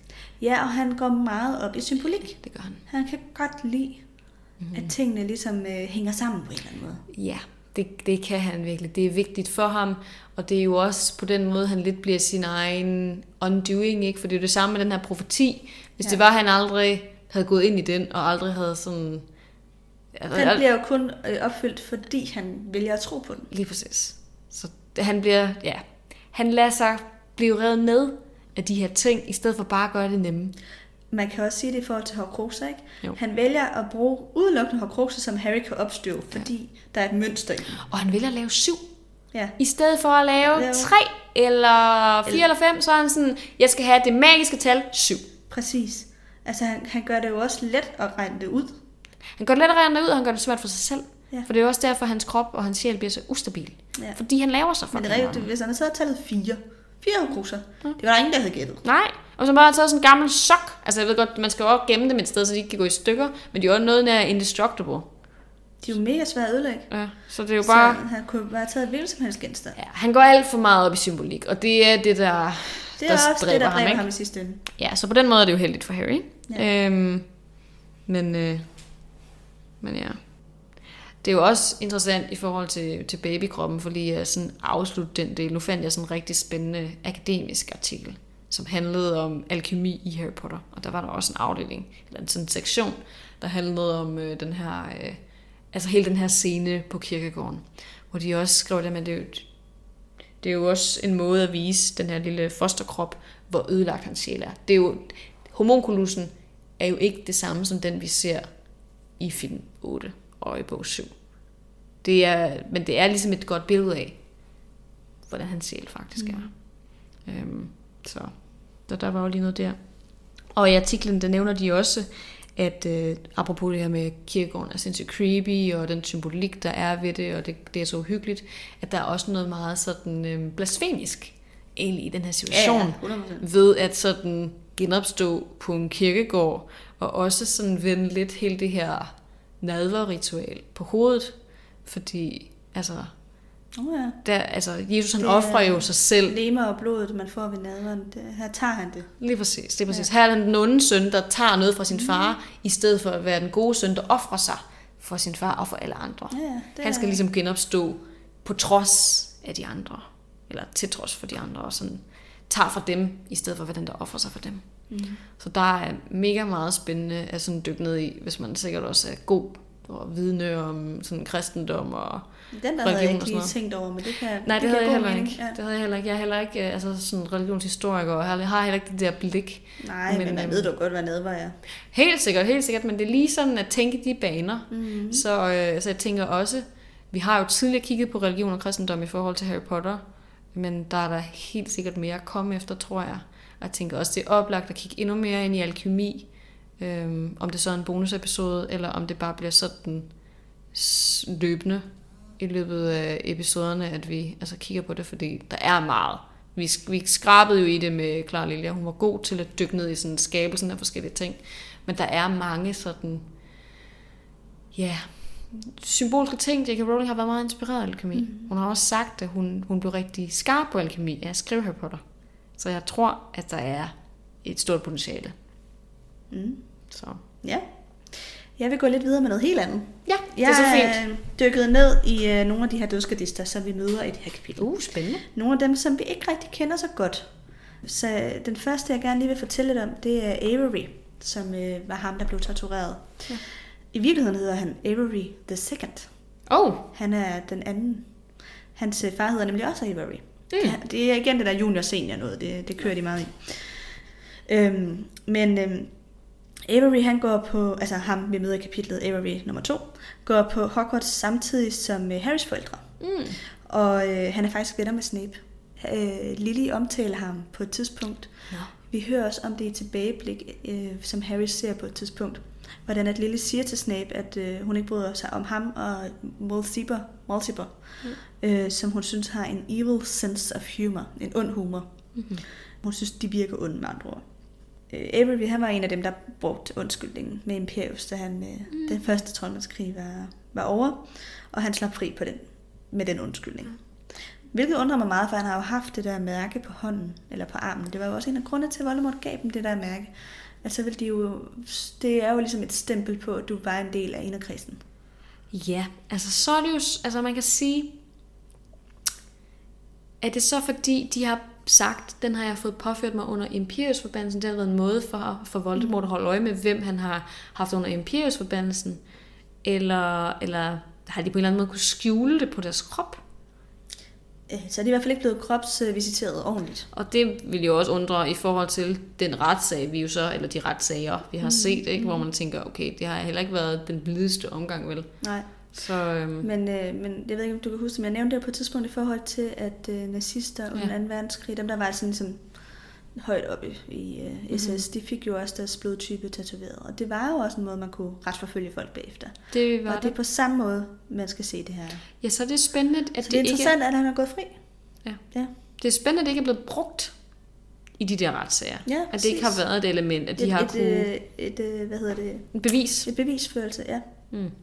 Avery øh, her, øh, han er jo så også, par møder vi igen i øh, bog 5, hvor han er med i Mysteriedepartementet. Mm. Og så ved vi faktisk ikke, hvad der sker med ham efter det. Han bliver måske fanget, men øh, ja, vi ved ikke, om han overlever øh, anden troldmandskrig, og, og hvad hans rolle er i det, og sådan noget. Vi, vi ved ikke rigtig noget om ham efter det her. Vi må antage, at hvis han ikke dør inde i øh, altså, Ministeriet for Magi 5'eren, så er han med til de andre. Ja, men hvorvidt hans, hvordan hans skæbne så bliver, det, ja. det ved jeg ikke. Nej. Øhm, er han en af dem, der arbejder inde i ministeriet? Eller han nej, bare... det mener jeg altså ikke. Øh, der er nogle af dem, som der har en er nogen, der har nogle, øh, ja, som har en, en relation derinde. Det mener jeg altså ikke, han har. Nej. Han var meget øh, sådan lidt svag og kujonagtig, bliver det beskrevet mm. af J.K. Rowling. Okay. Hans far, synes jeg er lidt interessant. Han har gået på Hogwarts med Voldemort. Okay. Og var med i Voldemorts klub.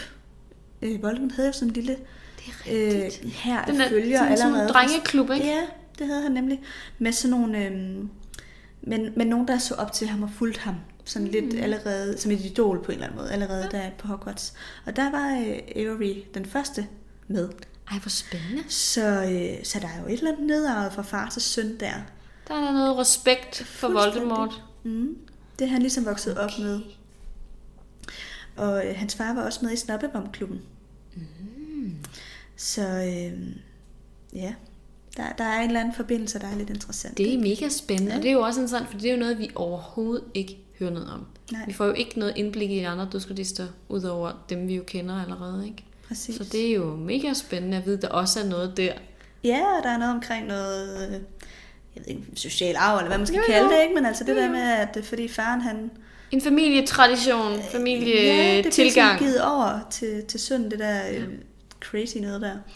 Nå, øh, så har jeg læst, at der er, er rygter om, at øh, torturscenen af Avery oprindeligt skulle have været med i filmen, mm. men er blevet klippet ud. Okay. Ja, så vil jeg bare lige sådan, apropos det der med, at Averys far, altså ham, da han var venner med Voldemort, eller venner, fulgte Voldemort i skolen, det gjorde øh, Lestranges far jo også, som mm. også hedder Lestrange, altså det er jo efternavnet. Rodolphus' far. Ja. Og Bellatrix' svigerfar. Han var også en med, øh, mm. del af Voldemorts klub. Så vil jeg lige fortælle lidt om Not, som er en anden dødsgardist, vi møder. Han var en af de øh, allerførste dødsgardister, som, øh, hvad hedder det, fulgte Voldemort. Og han er faktisk ret gammel, Not. Han er Nå. så gammel, at han gik på skole med Voldemort. Okay. De andre er jo lidt øh, karakteriseret ved at være noget yngre, og mm. så kan det jo, som jeg lige har nævnt, være deres fædre, der har fulgt Voldemort. Not er oprindeligt en følger Damn. af Voldemort, fra helt fra starten. Hvad er han så? Er han sådan noget 60'erne eller 70'erne? Ja, sådan noget lignende må han jo så have været, ikke? Ja. Fordi i Hemmelighedens Kammer er det jo 50 år siden, at kammeret er blevet åbnet. Ja. Og der har Voldemort jo været en 15-16 år, ikke? Mm-hmm. Så det vil sige, at Voldemort nu er, lad os sige, han var 16, så 66. Ja. Så det er øh, Not jo så også. Meget gammel. Damn. Ja, Men det, er også, det kan også overraske en, når man ja sådan tænker... gammel, men gammel i forhold til de andre. Det er selvfølgelig, men det er også, når man også tænker på sådan en som Hagrid, er jo også fucking gammel, ikke? Hvor man tænker, Ja. han har sådan en attitude af at være, altså han er jo sådan hyggelig, er ung med de unge, ikke? Man tænker Ja. sådan, han er måske max 30, 40, 50, og så er han sådan oppe i sådan 60'er og 70'er, ikke? Det er jo helt vildt. Ja, præcis. Det er noget af en aldersforskel. Ja. Øh, jeg vil så lige sige omkring ham der Not. Jeg, jeg har ikke kunne finde, om han var decideret med i inderkredsen med Voldemort, men han var i hvert fald fascineret af ham. Okay. Det har jeg ikke kunne få bekræftet, om han var i klubben, eller bare fuldt lidt med på. Man Men han fald- blev i hvert fald en af de første dødsgalister. Ja. Man må antage, så har han... Der er en stor sandsynlighed for, at han har været en del af det der. Ja, så jeg, har bare ikke, jeg vil bare ikke sige det som et fact, for det. Selvfølgelig ikke. Og det er uvist også, hvad der sker med ham, mm-hmm. efter en 12 krig. Ja. Og Not har jo i øvrigt en søn, som så går på årgang med Harry. Hmm. Theodor Not. Okay. Han, han går på Slytherin. Ham synes jeg ikke rigtig, man hører om. Nej, jeg tror, han bliver nævnt på et eller andet tidspunkt. Men han, det, det er godt ikke en, der fylder meget, nej. Nej, Ja. de har lavet nogle af de andre Crabber Goyles, altså Crabber, Goyle fylde Det er jo også eksempel, deres ikke? fædre, ja. Der er Og ham der Blaze Sabini, Mhm. der er nogle af de andre, der altså Slytheriner, der er mere fremtrædende, ikke? Jo, hvis fædre er, er dødsgardister. Mhm. Mm. Ja, nemlig. Så har jeg en lille fun øh, fact omkring dødsgardisterne ja. som gruppe. Til at starte med blev de kaldt for Knights of Walpurgis. Okay. De havde først et andet navn, før Voldemort kaldte dem dødsgardister. Hmm. Og øh, det er noget, jeg har fundet. J.K. Rowling har fortalt det i et interview til BBC tilbage i 2003, det her. Okay. Øh, og det er et ordspil på Valpurgis Knight. Øh, Knights of Valpurgis. Mm. Hun har lidt ligesom Nightbussen, altså Nightbus Ja, ja, ja. ja. og ridder. Ja. Så er Knights of Valpurgis også et sjovt ordspil på det. Og det, øh, Valpurgis Night er en, øh, en aften, som man holder den 30. april i store dele af Europa. Mm. Det minder lidt om vores Sankt Hans. Men det er det ikke. Det er, men, men det er sådan en Det er sådan form maskerade. for, ja, men det er sådan en form for midsommer øh, fejring bare før midsommeren. Men, altså man går mod lysere tider. Ah. Øh, og så handler det om, at, øh, eller ifølge legenden, er det en aften, hvor hekse har mødtes. Nogle mm. tror også på, at hekse og dæmoner har mødtes med hinanden. Mm. Øh, men i hvert fald har, er, der, er der noget med de her hekse, der mødes op i bjergene måske. Og der har øh, nogle mennesker så øh, tændt bål som beskyttelse mod de her hekse. Okay. Så der, er- det minder jo ret meget Så det er en nat for ondskaben, den ligesom har, har gode forhold. Ja, det kan man sige. Mhm. Det kan man sige. Okay. Og det, den, altså den her øh, Valpurgis Night bliver holdt mange steder rundt omkring i Europa stadigvæk. Stadigvæk? Ja. Nå. Øhm, og jeg kunne læse mig til, at i øh, Storbritannien har man holdt det indtil midten af 1900-tallet. Omkring 1950 eller sådan noget har man haft Sjovt. den tradition. Der er sikkert steder, nogle steder, hvor man øh, holder det. Ja da. Øhm, Selvfølgelig er vi der også, altså hvis man er sådan vika eller pagan eller sådan, det følger sådan en heksekalender, de har jo også mange årstider i løbet af året, der følger sæsonerne. Øh, så det, altså, der er sikkert en masse ting, som man holder og fejrer, om man så støtter, mm. eller prøver på Nå, at men det er beskytte jo sig. sådan en folke... Det ved jeg godt, det er ligesom Ja. faste lavn eller Sankt Hans, hvor man prøver at beskytte sig mod det onde, ikke? Men der er jo, der, der har jo været noget. Altså, der, der har jo været noget tiderne skiften, og, Ja. og, og nogle, nogle grunde sikkert til, at folk de har ville beskytte sig, fordi der også har været nogle andre, der har holdt nogle fester Ja. måske. Det er bare, jeg synes bare, det var sjovt, at Det er jeg vidste ikke, at de først var blevet kaldt noget andet. Ja, det er rigtigt, det, og det er også altså, hun... det er jo tilbage helt i, da det var en spædestart med Voldemort, da han havde sine følgere. Det har de nok været kaldt, øh, jeg ved ikke, om du kan huske, der er den der scene, hvor Voldemort er til jobsamtale. Ja, det er omkring, rigtigt. Øh, hvad hedder det? Og Ja da. stillingen, ikke? På det tidspunkt har de nok heddet det. Mm-hmm. Der havde han de her følgere. Det er til gengæld også en virkelig dårlig navn. Altså, det, er sådan, det lyder Ja. virkelig kikset. Så jeg er, er, Ridderne er vel Purgis, hvis man oversætter det. ja, det, Valpurgis er bare ikke lige så mundret som Duskardist. Ja, eller Death Eaters. Death Eaters. Jeg synes faktisk, Dødgardist er en rigtig fin oversættelse. Altså jeg ved ikke, det er jo ikke en, bogstavelig oversættelse af Death Eaters, men sådan Nej, dødspiser. Ja, det lyder så ikke så godt. Nej, men Dødgardist. Ja. Altså, Ja. I like that. Jeg synes faktisk også, det lyder mere uhyggeligt end Death Eater, fordi Ja. det er sådan noget... Øh, jeg, jeg, jeg, Det lyder sådan lidt barneagtigt på en eller anden måde. Ja, det gør det. Dødspiser. Nå, det var det, øh, jeg havde til fri i dag. Mega spændende. Mm. Det var sindssygt godt. Det var godt. Så lad os gå til Ule først. Yes.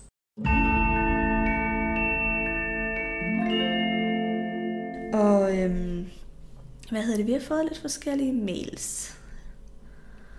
Først og fremmest, så, øh, så har jeg faktisk lige en opfølgning mere. Mm. Det kunne vi jo have taget i starten. Nu, nu tager jeg det nu. Vi har en øh, lytter, der hedder øh, Laura, som har skrevet...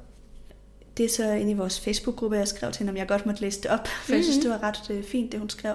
Det er en opfølgning på øh, den her snak, vi havde om, om der findes øh, sexisme og racisme i troldmandsverdenen hvor vi havde lidt svært ved lige at komme på nogle eksempler ud over det her med varulve og mm. alle de her, hvad skal man sige, øhm, symboler på det, Ja. men ikke direkte ja. det samme. De tydelige tegn Så- på sexisme og racisme. Præcis, men ikke mokler-versionen af det. Mhm. Hvis det. Forstår du, hvad jeg mener? Ja. Godt. Og så har Laura kommet med nogle eksempler på, at det er der jo faktisk. For det første er der det faktum, at det konsekvent hedder troldmands verden, eller the wizarding world, og hekse eller andre køn ikke indgår i betegnelsen. Så- For det andet det faktum, at Ginny bliver slotslæmet gennem hele bog 6. Mm. Sandt. Og i forhold til racisme, så bliver Pansy Parkinson, eller så kalder Pansy Parkinson Angelina Johnsons flætninger for orme, der kommer ud af hovedet. Det er rigtigt, den ting kan jeg også godt huske. Så som Laura skriver, jeg tror desværre, den er lige så gal i moklerverdenen. Ja, Eller som i mok- moklerverdenen. det er rigtigt. Ja. Det er rigtigt. Men det var bare meget fint lige at få de der eksempler på, på, Ja. på banen, når nu vi ikke selv kan huske dem. Det spændende, det er jo, at man må jo, altså J.K. Rowling har jo ikke opfundet en perfekt verden.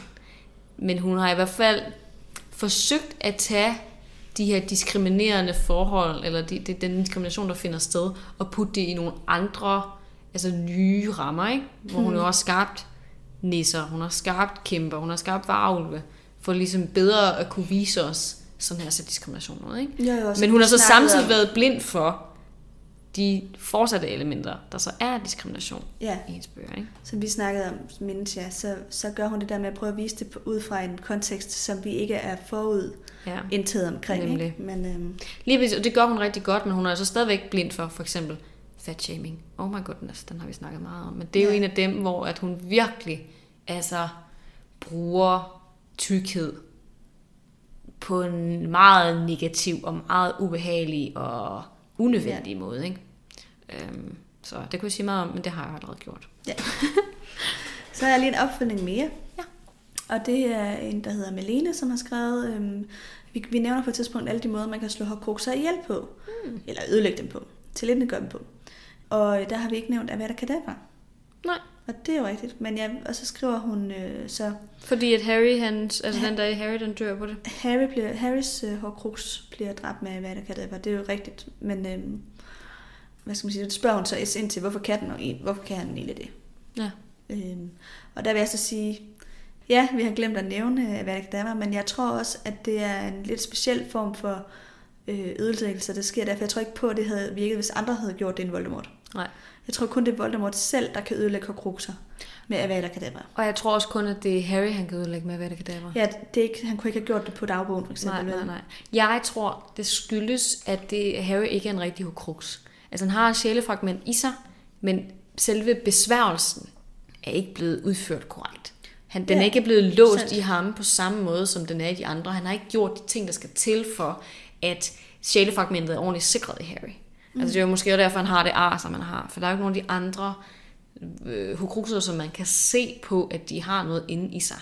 Altså der er bare et eller andet galt ved, hvordan Harry Ja, de er efterlader sig jo nogle, nogle tegn, kan man sige, mm. men det er ikke det er ikke sådan, at man kan se på genstanden, nej, at der er sket noget med den. Nej, altså Nagini har jo heller ikke noget ar. Hun er jo også en, et levende væsen, der har Ja. en Horcrux i sig, ikke? Men der er jo ikke nogen, der... Jeg ved godt, nu, nu hører vi ikke så meget om Nagini, men altså, det kunne da godt være, at hun havde skrevet sådan, Nagini havde et kæmpe lyn ned af ryggen eller sådan noget, ikke?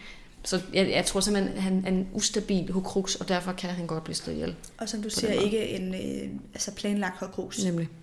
Så de der ulækre ting, man skal gøre, er ikke blevet gjort. Nej, nemlig. Ja, det giver mening. Godt. Så lad os gå videre til nogle spørgsmål. Jeg har to Nice. med i dag. Jeg har først en fra Mona. Hun skriver, om, øh, om vi ved, hvordan man fra Hogwarts kommer til Domstrang eller til Beauxbatons, hvis de andre skoler er værter for trekampspokalen. Mm. Altså så hvis Hogwarts skulle ud som gæster, hvordan kommer de så derhen? Spændende. Og øh, jeg vil sige, jeg har prøvet at research på det. Øh, jeg har kun kunne finde fan-teorier, eller fan øh, overvejelser. Ja. Jeg har ikke kunne finde øh, noget bekræftet. Nej. Men øh, ja, man kan så sige, jeg har selv tænkt over nogle ting også. Mm. Jeg tror personligt, at de kører med Hogwarts Expressen. Jeg sad lige og tænkte det samme. Er det rigtigt? Ja, jeg sad også og tænkte, Hogwarts Expressen, det er det mest oplagte. Ja. Jeg kunne finde øh, nogle fans, der havde skrevet om øh, testraler, koste, Mm. øh, til gar nogen, der havde skrevet om forsvindingskabinettet. Hmm? Ja, Øh, jeg tror ja. mest på toget. Ja, altså det, det der er spørgsmålet, det er jo, hvor mange skal der med, ikke? Altså hvis, hvis man snakker et lille bitte hold, så kan det godt være, at det ikke giver mening at tage hele toget. Men toget er absolut den bedste løsning til at transportere mange mennesker. Ja. Hvor Altså- mange er det, de kommer fra Dumstrang og Beauxbatons? Kan, kan du huske, hvor meget det er? Altså det er jo ikke mange, det er jo, det er jo fra en årgang, ikke? Det er jo den ældste årgang på, øh, på begge skoler. Ja. Så lad os Øh, sige, de plus er lidt. plus minus 12. Ja, sådan noget. Måske hvis man så tager nogle lærere med, eller sådan, hun har jo også sin, eller jeg ved Gabrielle, hendes, eller Gabrielle, hendes søster, hun kommer først senere, ikke? Måske skal vi sige 20 fra hver skole. Max. Ja, sådan noget med inklusiv lærer og andet personale. Ja. Så det er nok noget, det leje. Så Men er der lærer med udover øh, nej, det er der nok ikke. Det er der ikke. Vi hører ikke om nogen lærere, men det kan, vi kan antage, at der måske er... Der er nok ikke nogen andre med end Madame Maxim, nej, og de andre der. Det kan godt være, det er bare dem. Ministeriefolk og sådan noget. Ja, men i hvert fald, nej, der er ikke så mange, så de kunne godt, kan man sige, transporteres på andre måder end med tog. Jeg har det bare som om, at det vil være øh, Hogwarts-metoden. Det, er, det tror jeg også. Også fordi det er ikke alle, der kan finde ud af at flyve på kosten. Nej. Altså sådan en som Hermione ville ikke have det godt med, at vi skulle flyve hele vejen til Frankrig. Det er en meget, meget lang tur. Mm. Og det, er jo, det kræver også en eller anden form for sådan samlet transport, ikke? Jo. Fordi at det vil være så ekstremt drænende at skulle flyve hele vejen. Så ja, jeg tror, jeg tror også mest på Hogwarts Expressen. Og så kan man da sikkert lave en eller anden fortryllet rute op i bjergene. Altså, selvfølgelig kan man det. Ja, Det tænker jeg. der behøver nok ikke at være lagt skinner heller hele vejen. Det kunne selvfølgelig være sådan en, en særlig portkey, en transitnøgle, hvor man kunne få rigtig mange med. Men det virker bare ikke så ekstraordinært, vel? Hvis det være sådan et transportmiddel, så ja, Hog- Hogwarts Expressen. Selvfølgelig ikke lige så vildt som den der, det der skib og Nej. en flyvende hest og sådan noget. Altså tidligere, der har man jo, det, de lavede jo Hogwarts Expressen, fordi at der var for mange sådan uautoriserede måder at komme til Hogwarts. Og der nævnte de også blandt andet sådan noget som flyvende tæpper. Mm. Så altså, man kunne selvfølgelig også have sådan en kæmpe, gi- giga flyvende tæppe. Eller Nightboss. Lige bestille den til at... øh, ja, det kan godt være, at britterne de er sådan lidt mere på, du ved, sådan lidt mere moderne transportmidler, og sådan en karet og skib. Ja. Så ja, det er måske en, sådan en form for køretøj. En bus. Mm. Eller et tog. Dobbeltdækker. Ja, det er præcis. Ja. Ja, ja. Mark. Det må man selv fantasere lidt om. Ja. Ja. Så, øh, så er der en, der hedder Thomas, der har skrevet øh, om en fanteori. Mm. Og i baggrunden er jo det her med, at Harry og Hagrid, de henter de vise sten samme dag, som der er indbrud i banken. Mm. Øh, det er jo sådan lidt pudsigt. Og fanteorien går derfor på, at stenene er blevet stjålet, og at Dumbledore efterfølgende så bruger tidsvinderen på at sende Hagrid og Harry ind, før de bliver stjålet. Okay. Hvad tænker du om den teori? Jeg tænker, at det virker meget urealistisk at ville overlade det til Hagrid at rejse tilbage i tiden. Det var nøjagtigt min tanke. det er sjovt, du siger det. Ja, det, det, der var sådan, det kan jeg simpelthen altså, vi får jo ikke nogen indikationer på det på nogen som helst måde. Jeg vil også sige, øhm, det der er, når man rejser tilbage i tiden, det lærer vi jo bog 3, det er, at man skal jo ikke blive set. Ja. Hagrid er en, man lægger mærke til. Ja. Og Harry, han går jo også rundt og påvirker verden, og altså, det er sådan, de, de gør jo ikke noget for at skjule sig på nogen som helst måde. Så det er sådan, i, i teorien, ja, kunne det godt fungere, men hvis vi ser realistisk på det, nej, det er ikke det, der sker. En anden grund til, at jeg heller ikke tror på det, det er, at øh, Harry aner ikke, hvad en tidsvinder er, da han møder den i bog 3. Nej. Han har, Nej. ikke været, han har ikke stiftet bekendtskab med det fænomen før. Hagrid er heller ikke troværdig nok. Altså, det er han bare ikke til at overlade sådan noget til ham. Altså, jeg ved godt, de, de tiltror ham Harrys liv og sådan noget, men noget, der er så... Men noget er vigtigere end det. Noget, der er så øh, krævende, og kræver så meget, altså sådan øhm, logisk forståelse, og man sådan skal være... Hagrid er ikke forsigtig. Hagrid passer ikke på med noget som helst. Han er sådan klodset. Mm. Det vil overhovedet ikke passe til ham, at skulle håndtere en tidsvenner, og skulle kunne gennemskue, hvad han må og hvad han ikke må. Det tror jeg simpelthen ikke på. Altså, så nej. Den, den køber jeg simpelthen ikke. Nej. Men jeg er glad for, at vi er enige. Ja, beklager Thomas. Men, øh, Sorry. Det er jo en mega god teori, og mega spændende. Ja, jeg synes, det er virkelig fedt, og når lyttere har prøvet at tænke over et eller andet, mm. hvordan kunne, kunne det her være en forklaring? Ikke? Ja. Det er også lidt kedeligt, at vi bare kan slå det ned. Men, Ja, so sorry. ja. Men jeg vil så give Thomas her, øh, der har skrevet til os, ret i, at det er jo også lidt pudsigt, Mm-hmm. at øh, det lige sker samme dag. Det er rigtigt, det er rigtigt. Og det er måske, altså det er en af de der sådan, hvor J.K. Rowling lader øh, Dumbledore virke omnipotent, ikke? Han har sådan gennemskuet, at det her, det sker. Ja. Så får han den her nærmest gudestatus ved at sådan have sig til, det lige her, ikke? Altså, Præcis. så det bliver også sådan lidt for, lidt for pudsigt, ikke? Lidt for tilfældigt. Mm. Men det er nok sådan for at gøre det ekstra mystisk. Mm. Det var det.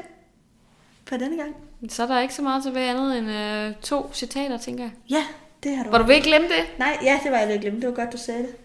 Oh, Jeg har jo glemt det før. It has happened before that we forgot them. Jeg starter selvfølgelig, mm. fordi det er mit kapitel der er først. Øhm, og jeg har valgt noget fra slutningen, fordi igen, det er nogle dramatiske kapitler, dem her. De er jo ikke hyggelige eller sjove. Der er ikke rigtig noget sådan komisk, man kan sige for dem her. Så jeg tænker bare, at vi tager det råt for usødet, ikke? Øhm, så det er her, hvor at Voldemort han er ved at rejse sig fra den her kødel. Øh, og Harry han ligesom ser på.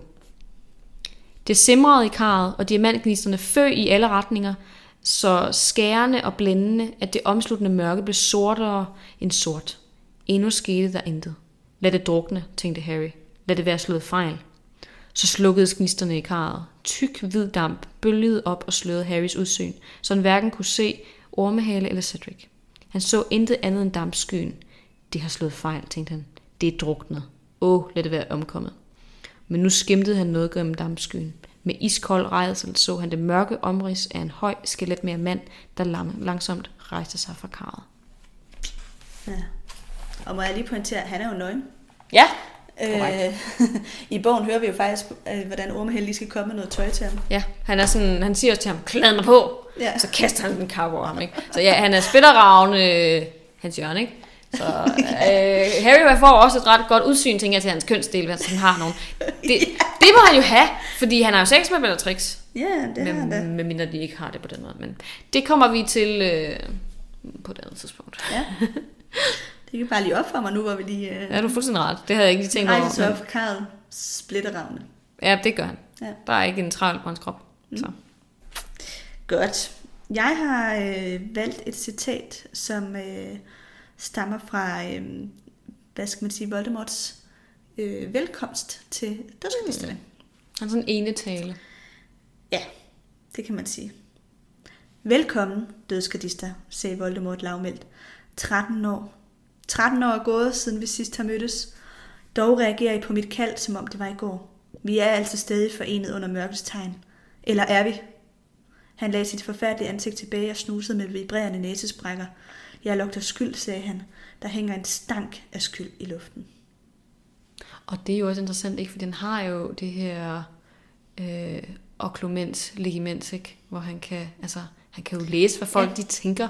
Han kan det, lugte det sikkert også, ikke? Han kan mærke på folk, om de er utilpas. Så det er jo, øh, det er jo meget bogstaveligt. Og hør måske så også skyld tanker, ikke? Jo, ja. det tror jeg. Det Ja. tror jeg. Ja, det var spændende. Det var mega spændende, og hvis I har nogle spørgsmål eller indvendinger eller overvejelser til det, vi har snakket om i dag, Så bare skriv. det er, det er nu, vi skal have, have de her ting afklaret. Ja, tænker til bog 4. Lige præcis. Ja. Og så, Ja, for der er ikke meget tilbage. Ej, det er der faktisk ikke. Der er, øh, der er ikke mange kapitler. Vi er ved at være slut nu, altså, og det, øh, der er sikkert noget af det, som vi har glemt at snakke om. Det er jeg overbevist om. Ja, Så hvis der er noget, hvor I tænker, hvorfor har det jeg skal ikke sagt huske det? at have med. Ja. Ja. Sig det nu. I må godt sige det, når vi er færdige. Men det er oplagt, at vi snakker om det nu, når mm. vi næsten er færdige med på 4, ikke? Det vil sige, de sidste, eller det slutter de næste to kapitler, det er jo så Priora Incantatum, hvor Ja. vi kommer til at snakke om det. Og øh, Veritaserum. Uff. To spændende kapitler også. Ja. Men øhm, det var mega godt Ja, det er at det. Og gennemgå hyggeligt. de her spændende kapitler i aften, og vi håber også, det har været lige så spændende for jer. Ja, tak for i dag, Nana. Tak for i dag, Amalie. thank you